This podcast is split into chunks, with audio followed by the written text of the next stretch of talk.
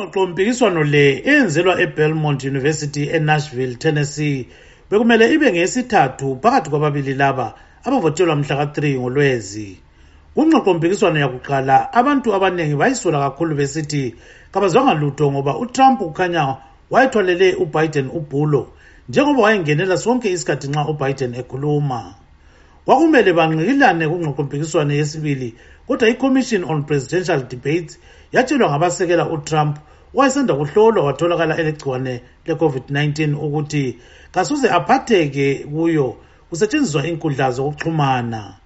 Namhla kukhangelelwe ukuthi ikomishini le izavimba lowo ozazama ukukhuluma isikhathi sakhe singakafiki. Okuzakhulunywa kungxoxompikiswano le kugoqela ubudlelwano belizwe lemelika lamanye amazwe umkhuhlane we-covid-19 ukudingwa kwalowo ozangena kudala le-supreme court unkosikazi amy cony barrett lokunye. Abalandela okwenzakala kukhetho lolu bathi zindala zombili. Umnumzana busani mbuso ntini odabuka ezimbabwe ozavota kukhetho lolu uthi kunenge okuzaxoxwa ngababili laba. Izathinta izinto ezithize ezi-includa uh, indaba ye-iran le-russia okukhanya ngithi aba-interfere kuma-elections uh, abuyayo njalo mbona bazakhuluma nge-confirmation ka-barrett uh, obe yinomini ye-supreme court. Omunye njalo olandela okwenzakala kukhetho lolu unkosikazi priscilla ndlovu uthi abantu bayimelele kakhulu ingxoxo mpikiswano le. Namhla iza kuba ingevuthayo ngoba omunye lomunye uzama ukuthi athole imiklomelo yokuthi abantu bambone ngcono ukuthi nguye osefanele ukuthi abuse ilizwe. Kuzabe kutshisa sibili kulwiwa namuhla. Omunye lomunye funa ukuthi aphume engonqobileyo. Uthi utrump uzazama kakhulu ukukhulela ubiden. Utrump uzabe ecabanga ukuthi kuyini angakungcolisa ngakho ubiden ukuthi ubiden abantu bambone njengomuntu omubi. Yindlela yena adebata ngayo ama-facts kalawo.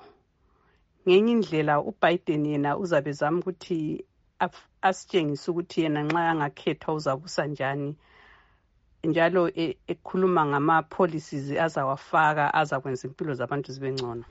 Abantu abedlula izigidi ezingamathumi amane 41 million sebevotile kukhetho lolu kuthi njalo abanye kukhanya bazavota ngosuku lokhetho. Umnumzana ntini uthi bakhona abangakacabangi kahle ngokuvota kukhetho lolu. Abalutshwane kakhulu um abazabhenefitha kule idebate ngoba abantu abaningi vele sebevotile uh, bayenzela kuthiwa i-early voting abanye sebenze i-mail-in ballot. So uh, bakhona engxenye abanye abanjengama-independent kumbe ama-undecided voters azalalela then ebeselokhuza ebesehamba esiyavota sebekhethile abamfunayo ngama-issues azakhulunywa. Kodwa abaningi hhayi vele sebekhethile. Unkosikazi ndlovu uyakusekela lokhu. Mina ngibona ngathi i-election le ngenxa indlela ebehlukene ngayo lamanye ama-election eminye iminyaka.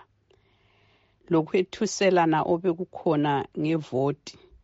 Abantu abaningi sebeqedile sebekwazi ukuthi bazavotela bani. Ngibona laba abanye kwesinye isikhathi ababethi bebuzwa ukuthi hhayi angikacabanga ukuthi ngizavotela bani. Ngabantu abangafuni ukuphumela egcekeni ukuthi bazavotela bani. Ngibona ngani abantu abaningi sebeqedile ukuthi bona bavotela bani. Lokhu kutshengisa ngendlela abantu abavota ngayo kulawo ama izindawo lapho i-early voting has started. Ukhetho lwemelika lwenziwa ngesikhathi kulabantu abedlula inkulungwane ezingamakhulu amabili 221 000 asebebulewe yi-covid-19 elizweni. Ngimele istudio 7 ngise-maryland ngugibbs dube.